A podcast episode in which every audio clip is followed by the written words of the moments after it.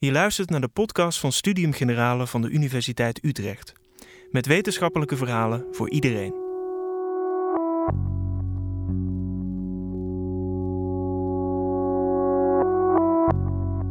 Ratio en geloof worden vaak tegenover elkaar gezet. Aan de ene kant de atheïstische wetenschapper die de oerknal probeert te bewijzen. Aan de andere kant de gelovige die voelt dat er een goddelijke kracht bestaat. Geloof is een kwestie van het hart wetenschap van het hoofd. Maar klopt deze tegenstelling wel? Kan het bestaan van God op een logische manier beredeneerd worden? En welke rol spelen openbaringen en religieuze ervaringen? Filosoof Rick Peels van de Vrije Universiteit Amsterdam legt uit hoe religieuze kennis werkt. Wat fijn dat we hier vanavond met zoveel mensen in deze prachtige zaal mogen zijn. Om met elkaar te verkennen wat gelovigen bezielt.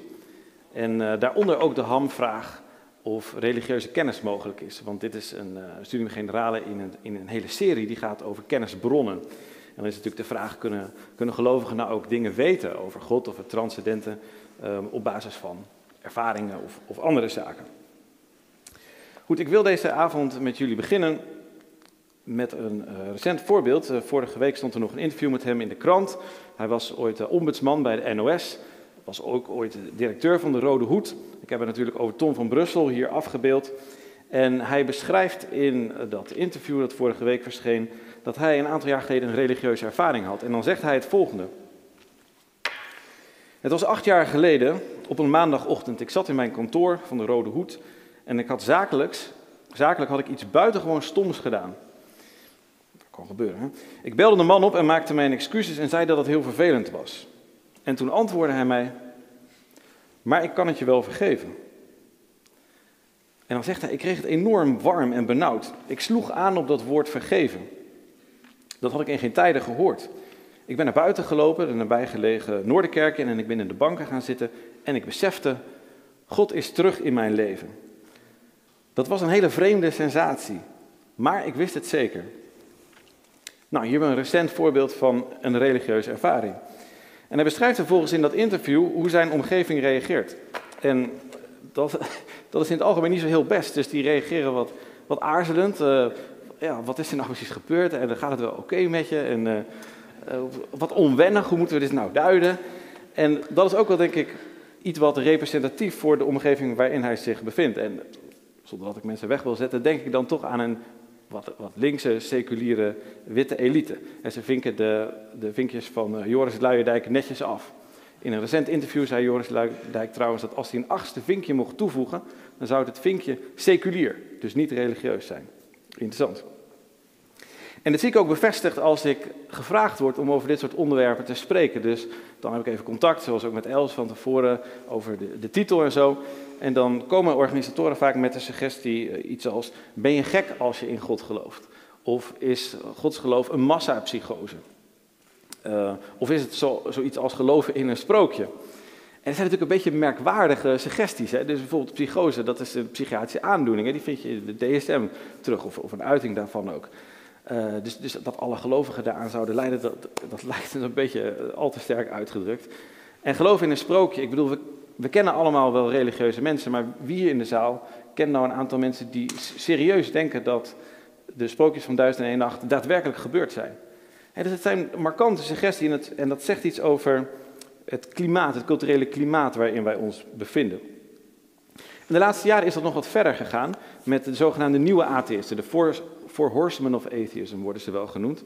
Een kleine referentie, voor wie dat leuk vindt, naar de vier ruiters uit het uh, laatste Bijbelboek, Openbaring, de Apocalyps. En een daarvan is Christopher Hitchens, en die zegt op een goed moment, dus hij gaat verder, hij zegt, religie is niet alleen intellectueel problematisch, maar ook moreel verwerpelijk. En dan zegt hij, hier is het citaat, Now I'm absolutely convinced that the main source of hatred in the world is religion, and organized religion. Absolutely convinced of it. And I think it should be, religion, treated with ridicule and hatred and contempt. And I claim that right. Oké, ja, oké. Okay. Ja, nou, Christopher Hitchens heeft natuurlijk dat recht, hè, uiteraard. Vrije democratie, it's a free country. Maar de vraag is, heeft hij gelijk? Klopt dit? En, en hij bevindt zich daarmee in de beweging van de nieuwe atheïsten. Uh, Sam Harris, Richard Dawkins, Uh, Christopher zelfs, Daniel Dennett en nog een paar andere mensen. Goed, vanavond staat de vraag centraal, wat bezielt gelovigen nou? Wat drijft hem? En u zag al in de omschrijving, is geloven nou een kwestie van het hart of is het ook een kwestie van de reden, van het verstand? En dan die hamvraag, is religie mogelijkwijs een bron van kennis? Kunnen we nou dingen weten over God of over de goden of over transcendente of over het bovennatuurlijke? Mijn achtergrond is in de epistemologie. Dat wil zeggen de kennisleer. Episteme, het Griekse woord voor kennis, begrijpen. En eh, logos, het Griekse woord voor woord of theorie. Nadenken over de kennis. En dan in het bijzonder de religieuze epistemologie. Dus ik ben geïnteresseerd überhaupt in hoe mensen tot overtuigingen komen, maar in het bijzonder hoe ze tot levensbeschouwelijke overtuigingen komen. En op dit moment leid ik een project aan de VU dat gaat over de filosofie van extremisme en fundamentalisme. Dus zou je kunnen zeggen, als het in zekere zin helemaal misgaat met die overtuigingen. En dat betreft religieus fundamentalisme, maar zeker ook seculier fundamentalisme en extremisme, hè, zoals we nu bij extreem rechts bijvoorbeeld zien. Goed, eerst wat context om deze vraag goed te kunnen beantwoorden. Ik was eigenlijk van plan daar helemaal naar de hoek te lopen, maar ik heb begrepen van Els dat het niet mag, want dan sta ik buiten de camera. Maar goed, eh, stel je voor dat ik helemaal daar naartoe kon lopen en ik zou een lijn trekken, daar vanaf de witte muur, en ik zou helemaal zo doorlopen tot hier. Dan mag ik weer niet verder, maar ik zou, als ik het zou doen, helemaal tot daar.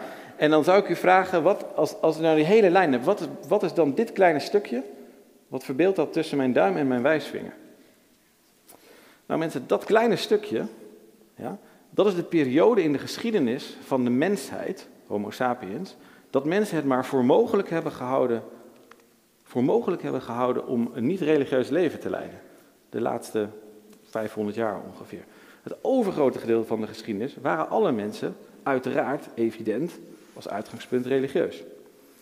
Dat ligt natuurlijk vandaag de dag wat anders.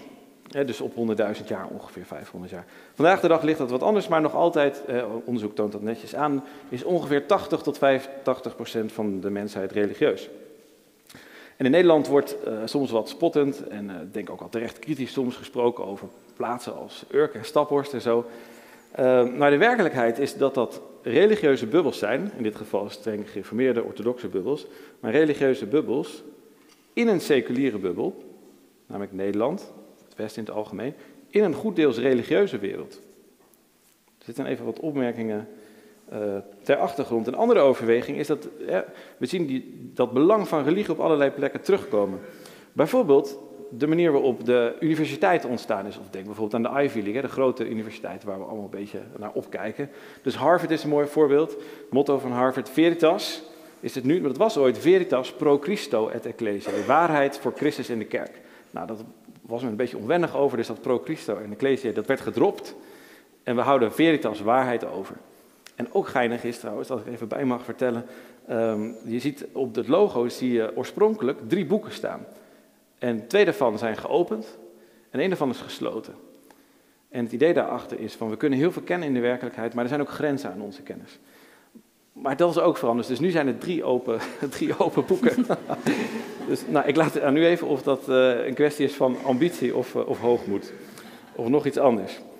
Goed, de, de, universiteiten hebben goed deels een, een religieuze grondslag. En uh, dat zien we ook hier terug. Uh, het logo van deze universiteit heeft blauwe letters, iets moeilijk te lezen, maar ook hier achter mij op de, op de grote katheder hier. Sol Justitiae Illustra Nos, 1634 gesticht. Zonne der gerechtigheid verlicht ons. Toch een subtiele allusie daar naar het Bijbelboek Malachi, hoofdstuk 4, vers 2. Waar God zelf spreekt over de zon van de gerechtigheid die het volk verlicht. die mensen die de universiteiten stichten, werden gedreven door religie en gingen op zoek naar kennis. En dat is wel gevat in het adagium dat we vinden bij grote denkers als Augustinus in de 4e, 5e eeuw en Anselmus in de middeleeuwen. Fides quaerens intellectum. Het geloof zoekt het verstand, zoekt het begrijpen. Willen we dus grip krijgen op religie als bron van kennis, dan moeten we het aandurven om een beetje uit onze seculiere bubbel te stappen, waar we nou eenmaal in zitten. Of misschien zelfs onze seculiere echokamer dus een, dat verschil, hè, dus, dus een, een, epistemische bubbel is een bubbel waarin je maar één soort nieuws hebt en het andere vind je er niet. En een echokamer is, gaat nog een stapje verder, dus daarin wordt andersoortig nieuws actief gedisqualificeerd. misschien zitten we soms, soms in Nederland een beetje in een seculiere bubbel. Goed, kernbegrippen. Uh, heel belangrijk. Wat, versta, wat verstaan we nou onder religie vanavond? Om maar mee te beginnen. Onder religie zal ik verstaan het geloof in en het leven naar, de oriëntatie op. Het transcendente, oftewel dat wat deze materiële werkelijkheid overstijgt. God bijvoorbeeld, of goden. En dat op een enigszins georganiseerde, boven individuele manier.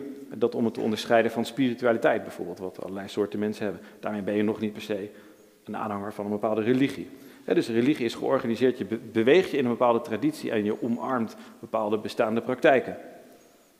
En ik zal me daarbij met name richten op het christendom. Dat is op dit moment de grootste religie, maar het is ook de religie waarmee ik zelf het, eh, als christen het meest vertrouwd ben. Maar ook als theoloog, waar ik het uh, meest over nadenk en ook als filosoof trouwens. Dus uh, voornamelijk het christendom, maar along the way zullen we ook allerlei andere voorbeelden zien. Wat versta ik onder God? Een cruciaal, cruciale notie natuurlijk op deze avond. Dat kan, de term kan heel verschillend gedefinieerd worden. Ik pak hem even vrij breed, namelijk dat wat bijvoorbeeld de Abrahamitische religies, dus Jodendom, Christendom en Islam, gemeenschappelijk hebben, namelijk het geloof in een, wat in de Perfect Being Theology wel wordt genoemd, een volmaakt goede persoon. Dus iemand die volkomen goed is, uh, volkomen wijs, alwetend, almachtig. Bestaat niet toevallig of contingent, maar, maar is de grond van alle dingen, bestaat noodzakelijkerwijs. Is de schepper van deze wereld en is AC, dus van niets en niemand afhankelijk voor zijn bestaan. Ik ga over hij en zijn spreken, maar God is natuurlijk niet een man. God heeft niet een lichaam zoals wij. God is ook niet een vrouw, maar het idee is dat God dat transcendeert. Maar goed, ik moet iets, dus vergeef me als ik eh, over hij of zijn zal, zal spreken. We kunnen net zo goed over zij en haar spreken, of meervoud, nog iets anders. Dan nog wat meer context. Wat is nou het imago van de religie in Nederland en ook in het, in het Westen, meer in het algemeen? Ik denk dat het de laatste jaren wat beter geworden is, maar vaak tref ik nog een wat suboptimaal, wat problematisch imago aan. En dat is drieledig, namelijk dat religie onnatuurlijk zou zijn, ongezond en ook gevaarlijk. En uh, dat vonden we wat bij uh, ja, oudere representanten, dus uh, Paul Witteman bijvoorbeeld of Jeroen Pauw. Maar ook bij de wat jongere generatie, dus Jort Kelder bijvoorbeeld, kan zo kritisch zijn op religie. Arjen Lubach wil het ook wel graag afvakkelen. Uh, en toen ik in de trein op weg hier naartoe zat, toen dacht ik, ik spreek over jonge generatie. Maar dat doe ik omdat het deze mensen ongeveer even oud zijn als ik. Maar misschien, ja, maar misschien zitten hier wel studenten die denken, jonge generatie. Dus goed, een relatief jong zal ik het dan maar even noemen. Nou, uh, wat houdt het nou in? Uh, onnatuurlijk ten eerste, hè, dus het idee is dan dat religie iets is van indoctrinatie. En mensen komen als een soort tabula rasa, een lege schrijfplank, een onbeschreven blad in de wereld... Um, en vervolgens wordt religie opgelegd, subtiel dan wel niet zo subtiel, door priesters en dominees, uh, andere ouders, andere onderwijzers, donderende preken van de kansel, rijtjes stampen bij catechisatie, uh, dat soort dingen waar we niet zo blij van worden, geen vrijheid om anders te denken. Nou, hier kunnen we vrij kort over zijn, dit eerste element. Dit is eigenlijk aantoonbaar, en niet alleen aantoonbaar, aangetoond onjuist. Is een heel uh, veld van onderzoek, dat heet de Cognitive Science of Religion, met figuren als Justin Barrett en Jesse Baring en Deborah Keleman, die netjes hebben laten zien dat de mens eigenlijk van nature religieus is. Natuurlijk niet hele uitgeschreven doctrines of dogma's, maar wel het elementaire besef van uh, het geloof in het transcendente. Deze wereld uh, is niet het hele verhaal, is een werkelijkheid die deze wereld overstijgt. Dat is aangeboren. Dat vind je bij kinderen van atheïsten net zo goed en net zoveel als bij kinderen van gelovigen bijvoorbeeld. En, in allerlei soorten landen. Dat maakt eigenlijk niet zoveel uit. En niet alleen dat, er is ook een natuurlijke teleologie van het Griekse woord telos. Dus mensen geloven van nature in het idee dat dingen er zijn met een doel. Wij zijn er met een reden, met een doel in deze kosmos. En er is leven na de dood. Dat zijn vrij aangeboren fenomenen. Specifieke doctrines die worden natuurlijk aangeleerd in religieuze contexten, in kerken bijvoorbeeld of moskeeën. Maar die elementaire religiositeit is aangeboren. Dat wordt eigenlijk niet meer betwijfeld. Tweede element, religie zou ongezond zijn. Hè? Je mag allerlei dingen niet. Sommige mensen worden er wat depressief van. Ze nemen hun verantwoordelijkheid niet en leggen die bij God. Dat soort dingen. Nou, dit komt natuurlijk allemaal voor. En daar moeten we altijd kritisch op zijn. Maar in het algemeen valt het eigenlijk wel mee met gezondheid en religie. Een mooie metastudie van um, Harold Koenig en Harvey Cohen laat zien dat mensen, hè, komt, die religieus zijn, komt een rijtje langer leven minder vatbaar zijn voor hart- en vaatziekten, iets lagere bloeddruk hebben, minder last hebben van depressie, minder last van angst en minder alcohol en drugsverslaafd dan gemiddeld. Je zou er bijna religieus om worden. Nou, wij komen het voordeel. Um, er zijn natuurlijk allerlei uitzonderingen, maar in het algemeen valt dat best wel mee. Het laatste element, religie zou gevaarlijk zijn, schadelijk, want uh, gelovigen beroepen zich op de wil van God, doen allerlei dingen in de naam van God, ze laten zich niet inenten, waardoor je ellende krijgt met pokken, mazelen of covid. Ze vallen je lastig aan de voordeur, ze blazen je vliegtuig op, in het ergste geval, ze doen enge dingen met vrouwen en kinderen. Uh, Dawkins die zegt bijvoorbeeld, religie is net als het pokkenvier, uh, vrijgevigheid. Nou, wat blijkt, uh, gelovigen doen wat vaker vrijwilligerswerk en ze geven vaker aan goede doelen. En geïnformeerde mensen in dit land geven zelfs zes keer zo vaak als gemiddeld aan een goed doel.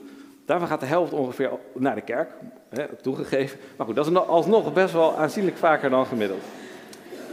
Goed, dus wat is hier aan de hand, mensen? Nou, wat hier volgens mij aan de hand is, is dat reële fenomenen, de schadelijke effecten van religie, um, die helaas voorkomen onder fundamentalisten en extremisme, andere, andere groepen, dat die eruit worden gelicht en geprojecteerd worden op religie in het algemeen. En dat is misschien begrijpelijk in sommige gevallen, zeker als er sprake is van persoonlijke frustratie of trauma. Maar het strookt niet met de empirische werkelijkheid. Hè? Dat kunnen we netjes laten zien. Religie is in het algemeen niet onnatuurlijk, niet ongezond en niet gevaarlijk. We komen steeds dichter bij de hamvraag van vanavond, want we willen het ook hebben over bronnen van kennis. En of religie een bron van kennis is. En daarom, uh, en dat doe ik in het algemeen, bij het beantwoorden van hele grote en complexe en ook wat controversiële vragen, probeer ik altijd vrij nuchter te werk te gaan. En daarom eerst maar eens de vraag, wat, wat zijn nou eigenlijk bronnen van kennis? Kunnen we daarvan wat voorbeelden geven? Hier zijn een paar voorbeelden. Uiteraard in dit, in dit gebouw de wetenschap. We weten dingen over de gravitatiewetten of over de gaswetten van Boyle, we weten dat die correct zijn, grosso modo. Of we weten, dus, eh, dus de fysicus eh, Carlo Beenakker in Leiden, die vertelde me ooit dat hij uh, onderzoek deed in Genève. En daar had hij een elementair deeltje, een elektron, had hij van de ene kant van het meer van Genève naar de andere kant geschoten.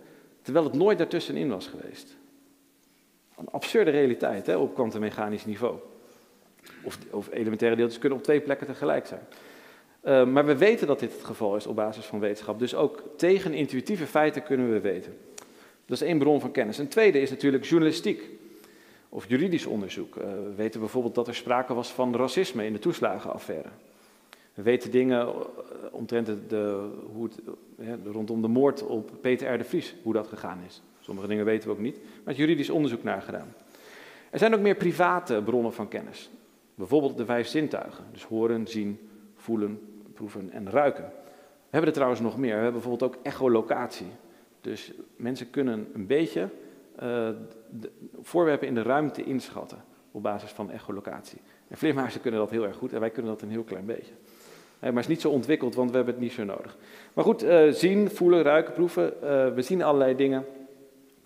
ook als andere mensen niet bij zijn. En dat zijn bronnen van kennis. Introspectie. Je weet bijvoorbeeld op basis van introspectie dat je bijvoorbeeld pijn hebt in je linkerteen of dat je je verliefd voelt of dat je de intentie hebt om morgen op tijd op te staan om te leren voor een tentamen. Ik doe maar wat, hè. Dat zijn dingen die je kunt, kunt weten op basis, of dat je die intentie niet hebt, eh, op basis van introspectie naar binnen kijken. Een andere bron van kennis is het geheugen. We weten bijvoorbeeld wat we vanmorgen voor ons ontbijt op hadden. Als we er even over nadenken, of we, we koesteren een bijzondere vakantieherinnering. We weten dat dat gebeurd is. Een vrij private bron. Sommige gevallen absoluut niet te beargumenteren of aan te tonen voor wie dat niet wil geloven, maar jij weet het. Er is meer, wiskundige intuïtie, logische intuïtie bijvoorbeeld. Uh, logische en wiskundige intuïtie. Um, neem bijvoorbeeld modus ponens, voor wie van argumentatieleer houdt. Hè. Als A, dan B. A, dus wie durft? B, precies. is, een logisch, is een logisch geldige redenering. De redenering die er heel erg op lijkt, maar net iets anders is, de redenering als A dan B, B dus A, is niet geldig. Dat is een ex-consequentia redenering. Bijvoorbeeld, als het regent worden de pannen nat, de pannen zijn nat, dus het heeft geregend. Dat is niet geldig, je kunt ook een emmer water over de pannen gooien. Ja?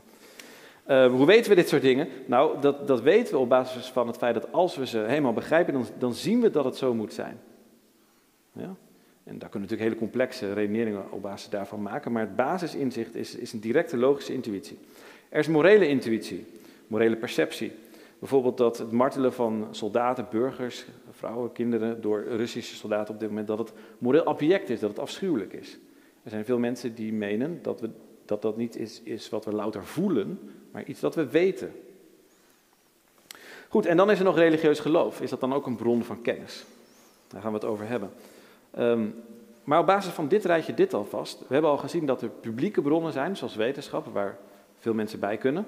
In de fysica iets makkelijker dan in de geesteswetenschappen. Maar ook private bronnen, dus die uniek zijn voor jou. Algemeen geaccepteerde resultaten, maar ook zeer controversiële resultaten. En dat zijn allemaal bronnen van kennis. En misschien zijn er nog andere bronnen van kennis waar u nu aan denkt, die ik nog niet eens genoemd heb. De volgende stap. Ik wil namelijk even twee van deze bronnen uitlichten. En wel geloof, en het zal u niet verbazen, en wetenschap. Geloof en wetenschap als bronnen van kennis. En die twee hebben natuurlijk een bepaalde verhouding in de geschiedenis. Ze hebben zich tot elkaar moeten, ja, ze, ze tot elkaar moeten verhouden en relateren. En hoe die twee zich tot elkaar verhouden, illustreer ik wel eens aan de hand van het volgende voorbeeld. Dan vraag ik mensen, wat voor een beeld had de middeleeuwer nou van de aarde? Wat was volgens de middeleeuwer de vorm van de aarde? En veel mensen denken dan, of zeggen dan, ja, dat de aarde plat was. Ehm, en dat begrijp ik, want dat wordt ook heel vaak gezegd. Probleem is, dat, dat is niet zo. Dat is niet wat de middeleeuwer dacht. Ja? Ehm, de middeleeuwen die wisten eigenlijk al lang dat de aarde rond was. En dat kun je ook zien als je boven op een berg staat of als je op zee bent. Uh, voor het begin van onze jaartelling was zelfs al de omtrek van onze aarde berekend. En toch wordt het vaak gezegd. Kijk, wat wel zo was, was dat men dacht dat de aarde het centrum was van het universum. Dus geocentrisme in plaats van heliocentrisme. Maar dat is echt iets anders. En toch bestaat deze mythe. En er wordt vaak herhaald. En misschien past die goed bij ons beeld van de middeleeuwen als een, als een wat primitieve mens. Maar um, dit, dit, punt gebruik ik vaak om te laten zien dat er ook iets van een mythe is omtrent de verhouding tussen geloof en wetenschap. En die mythe is dat er sprake zou zijn van een eeuwigdurend conflict tussen die twee. En die mythe is in de wereld geholpen onder meer door deze figuur Andrew White in zijn boek in 1896, A History of the Warfare of Science with Theology and Christendom. Waarin hij dus betoogt dat het een grote oorlog is tussen deze twee.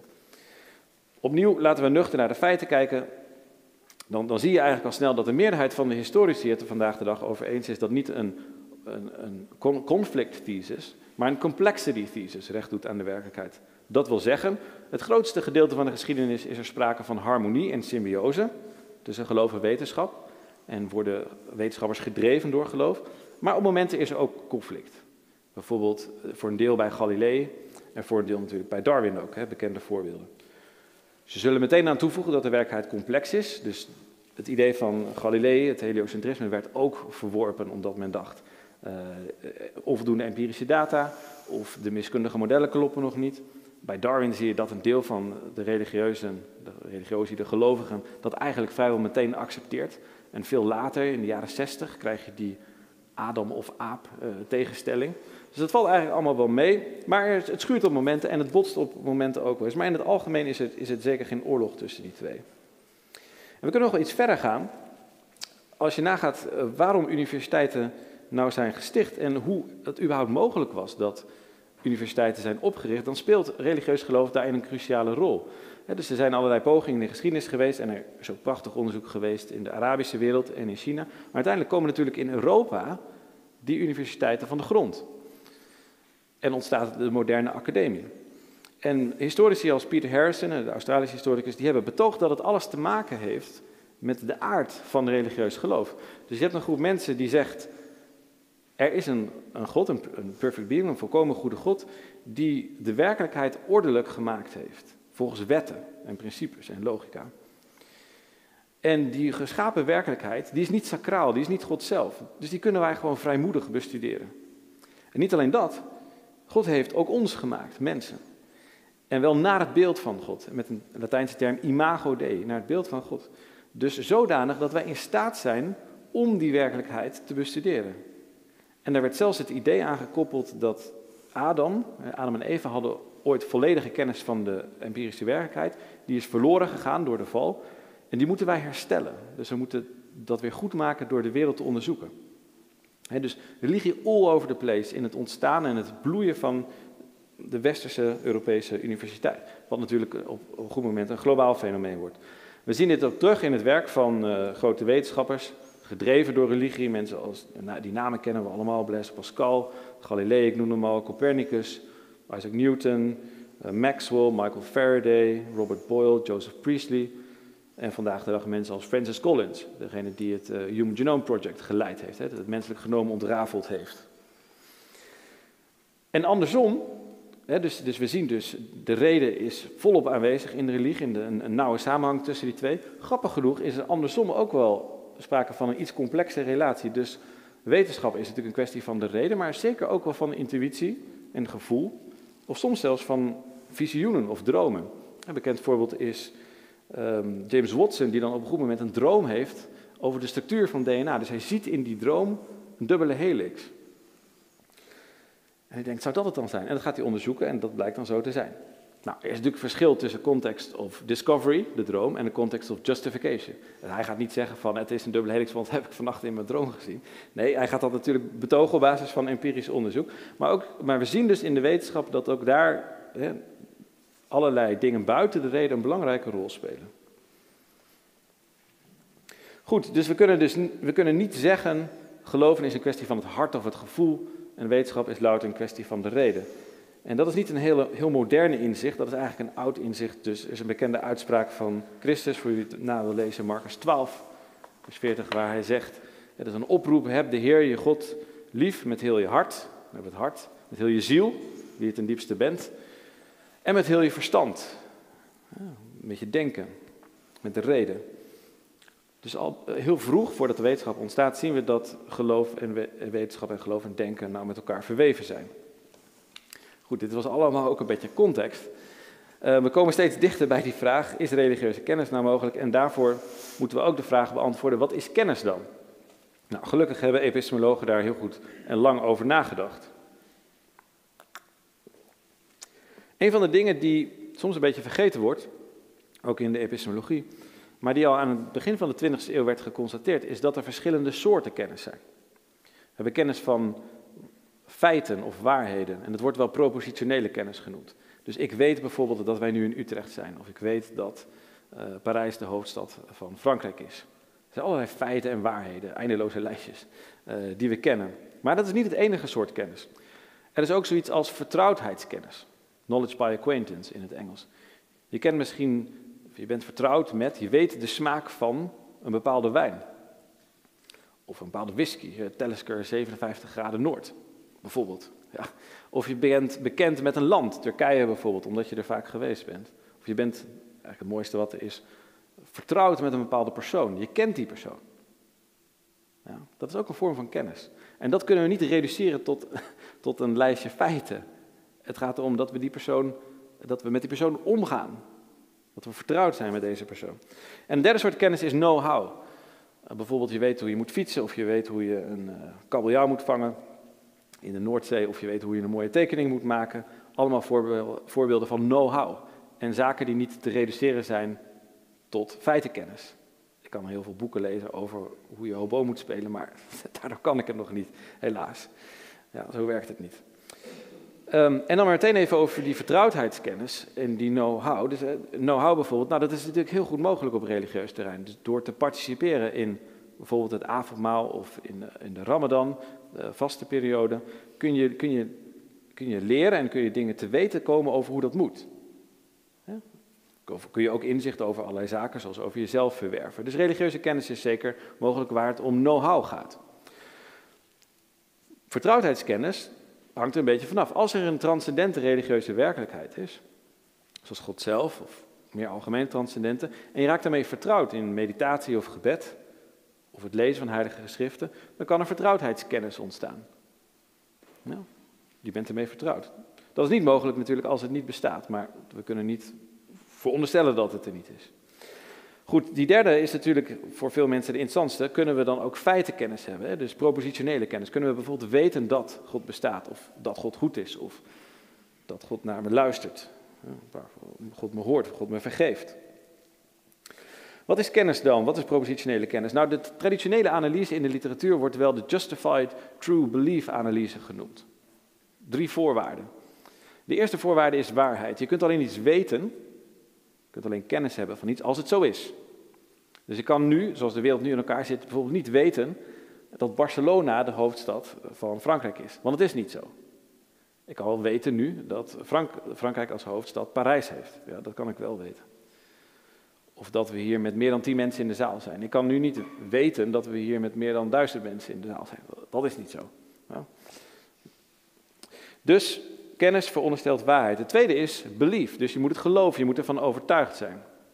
En er kunnen allerlei complexe uh, wiskundige waarheden zijn die, waar je nog nooit over na hebt gedacht. Nou, dat zijn dan wel waarheden, maar dat zijn geen dingen die je weet.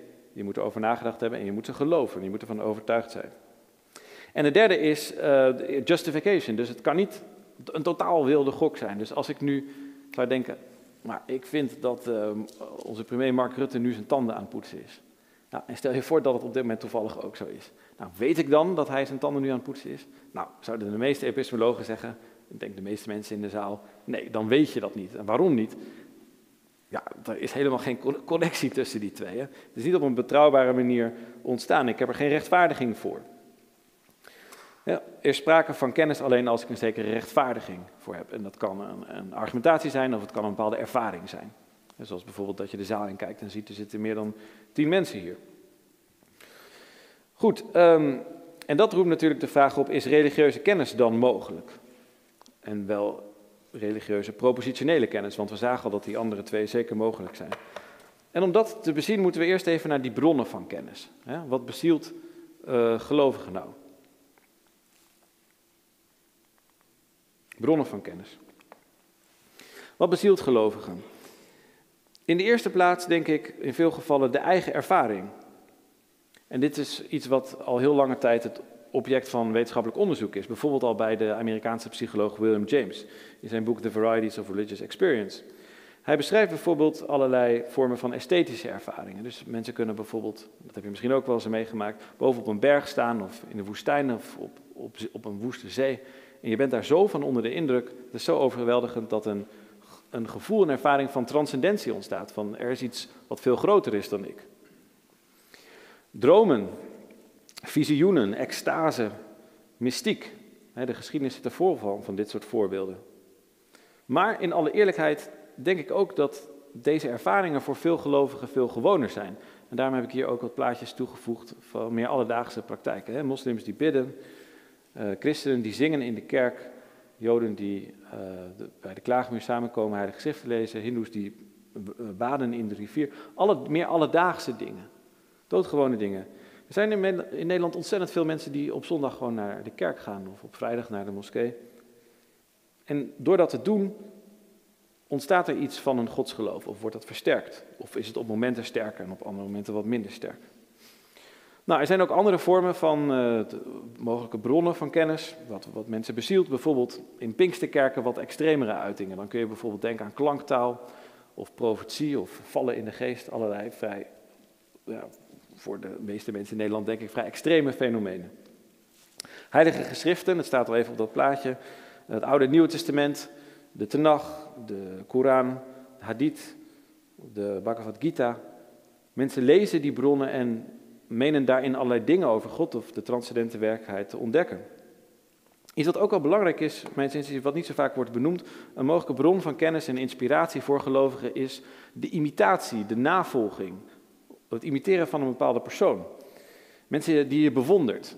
Dus dat zijn in mijn geval bijvoorbeeld eh, de auteur Marilyn Robinson, eh, moeder Teresa, de middeleeuwse mystica Hildegard von Bingen, de verzetsheld en theoloog Dietrich Bonhoeffer, Um, en voor christenen bijvoorbeeld de persoon van Christus zelf. Hè, al gethematiseerd in het werk van uh, Thomas A. Kempis in zijn boek De Imitatio Christi.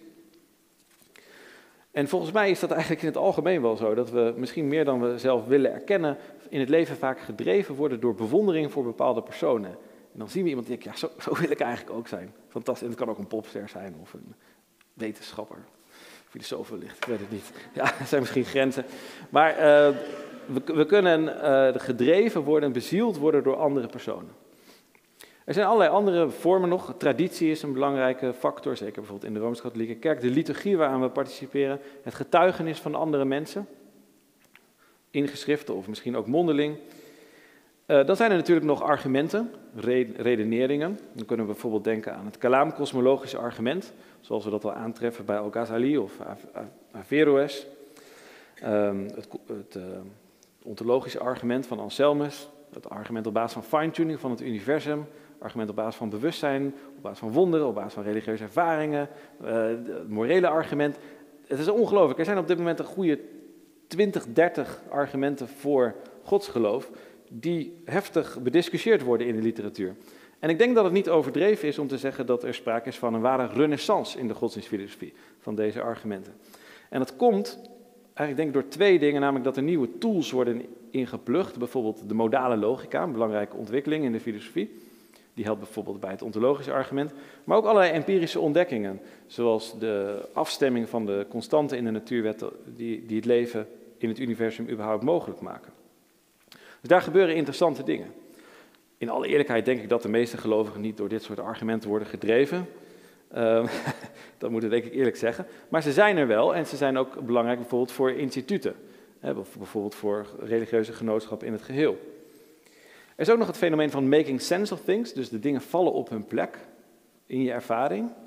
Uh, doordat je bijvoorbeeld in God gelooft. Een bekend citaat van uh, C.S. Lewis, die we bijvoorbeeld kennen van de Narnia-boeken. Hij zegt ergens: I believe in Christianity as I believe that the sun has risen. Not only because I see it, but because by it I see everything else. Dus hij heeft in zijn ervaring ontdekt dat als hij die religieuze bril opzet, dat dan in één keer de, dingen in de werkelijkheid op hun plek vallen. Een laatste mogelijkheid is denk ik ook dat geloof op een bepaalde manier gewoon ontstaat, min of meer spontaan. Zonder hele heftige ervaringen of zonder heilige geschriften.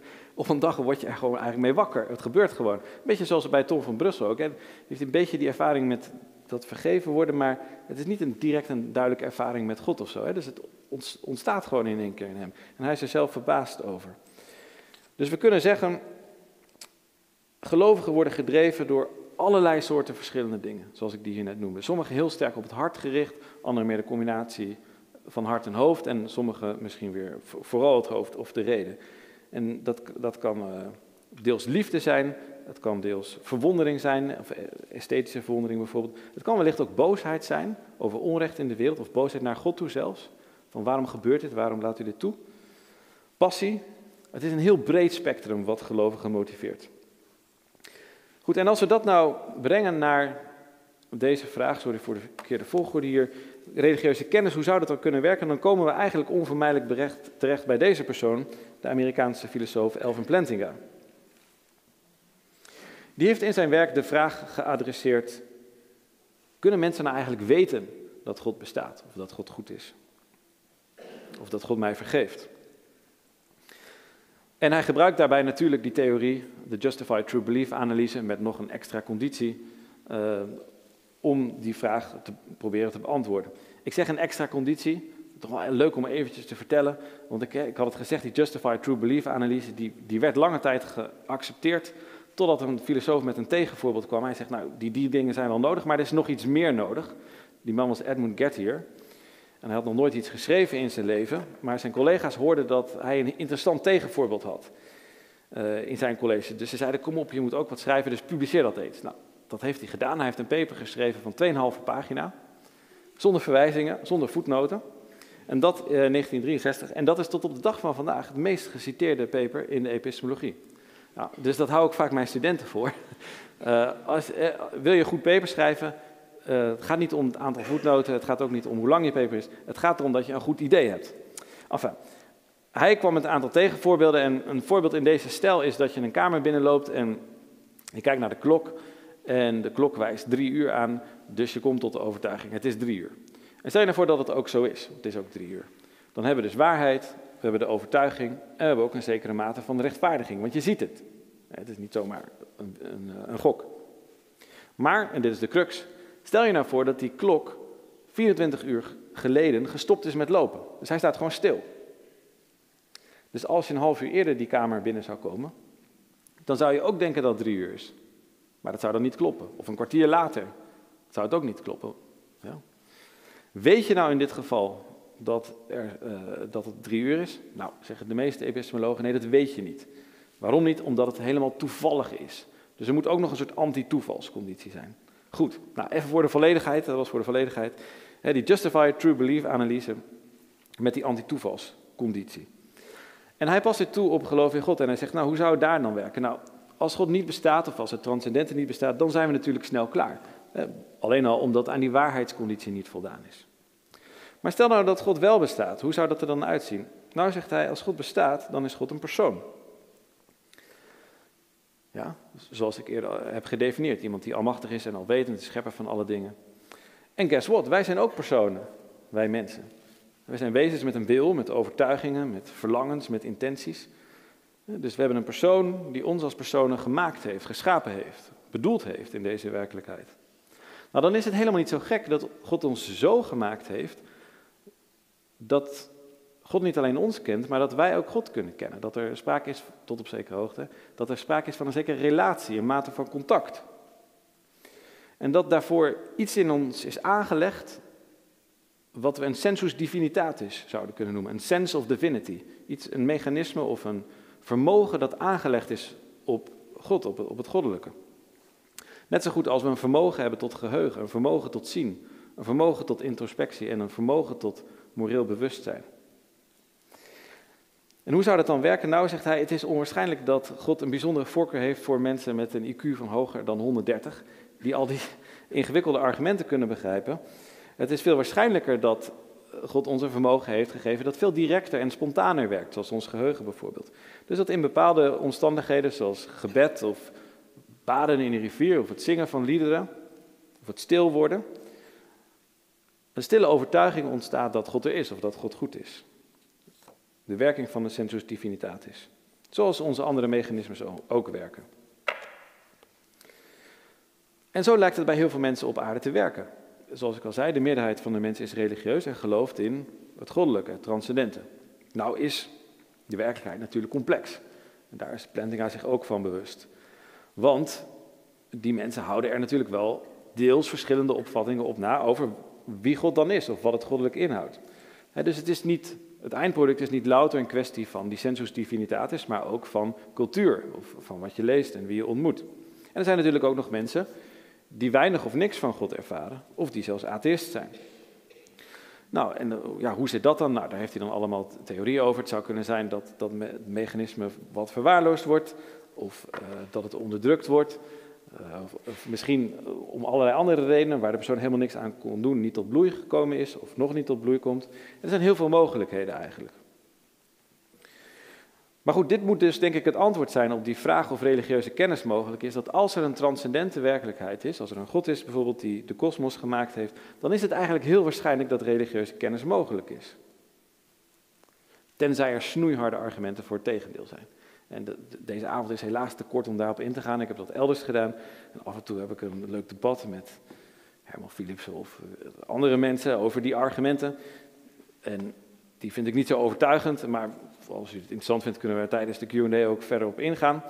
maar in het algemeen is er goede reden om te denken dat op het eerste gezicht, als, als er een transcendente werkelijkheid is, dat kennis daarvan mogelijk is. Dus het idee van ja, je gelooft dat wel, maar je kunt het niet weten, dat is denk ik wat te snel.